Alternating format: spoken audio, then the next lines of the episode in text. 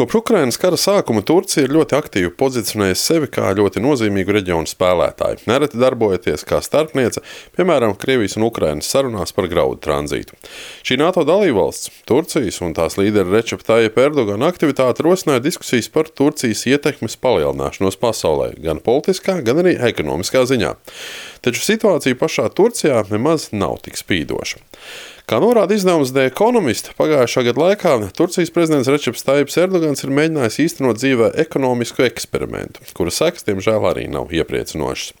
Laikā, kad citas centrālās bankas cenšas mazināt inflāciju ceļot procentu likmes, Turcija rīkojas pretēji. Tās bāzes likmes kopš 2021. gada septembra ir samazinātas par 10% punktiem, pašlaik atrodoties 9% līmenī. Tas ir ļāvis joprojām saglabāt aptuveni 5% lielu izaugsmu, taču oficiāli reālā inflācija ir pieaugusi līdz 85%. Šis ir otrs augstākais rādītājs G20 valstu grupā aiz Argentīnas. Savukārt Turcijas valūtas liras vērtība uzrāda otro sliktāko rezultātu augošo ekonomiku vidū. Turcijas valdība apgalvo, ka tās politika ir padarījusi Turcijas produktus daudz konkurētspējīgākus, samazinot darba izmaksas, vienlaikus norādot, ka vietējās ražošanas pieaugums samazinās inflāciju.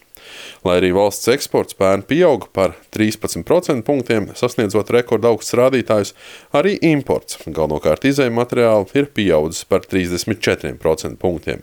Un tas ir veicinājis arī budžeta deficīta pieaugumu, kura apkalpošana izmaksā ar vien dārgāk. Papildus bažām par visai saudabīgo monetāro politiku Turcijā joprojām aktuāls ir jautājums arī par korupciju un tiesiskumu.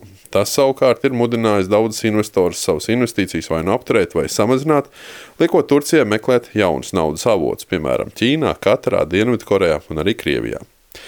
Tikko notikusī zemestrīce nenoliedzami ieviesīs korekcijas valsts ekonomiskajā dzīvē. Pēdējo reizi šādas zemestrīces sekas tika izjutas 1999. gadā, un atkopšanās turpinājās vairākus gadus. Kā prognozē izdevuma politika jau komentētājs Arda Tunka, arī šoreiz sekas būs jūtamas ne tikai tuvākajās dienās, nedēļās un mēnešos, bet arī gados.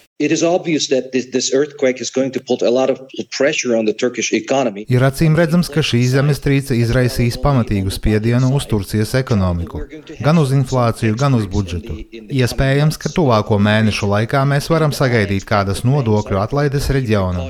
Arī bankas būs ļoti piesardzīgas, bet varam gaidīt, ka tās sniegs palīdzību uzņēmumu un maisaimniecību naudas plūsmas pārvaldīšanai. Manuprāt, šis traģiskais notikums atstās ļoti, ļoti dziļas sekas.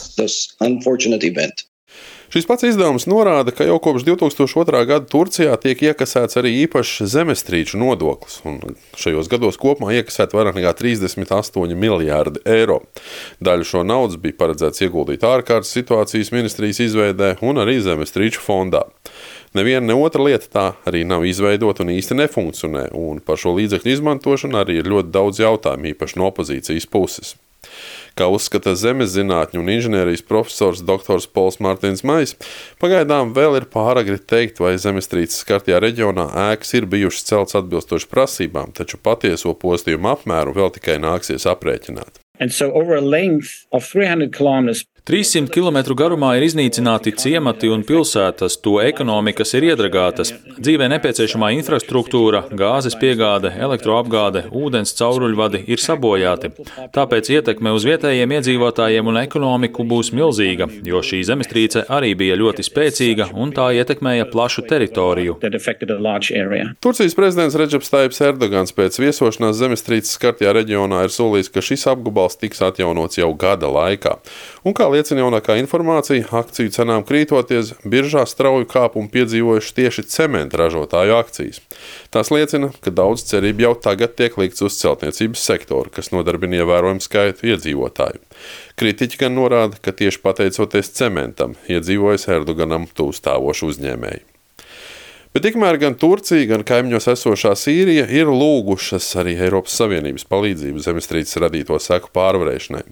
Eiropas Savienības civilās aizsardzības mehānismu ietvaros palīdzību Ankarai ir solījušas vairāk nekā desmit Eiropas valstis. Vienlaikus Eiropas Savienības satelīta sistēmas Kopernikus sniedz aktuālo informāciju Turcijas varas iestādēm par aktuāliem postījumiem.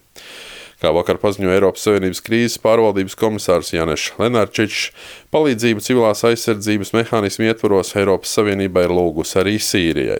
Kopumā abām valstīm paredzēts sākotnēji palīdzēt ar 6,5 miljoniem eiro, un pašam Lenārčičam šodien būs iespēja postījums novērtēt arī klātienē, ierodoties Turcijā.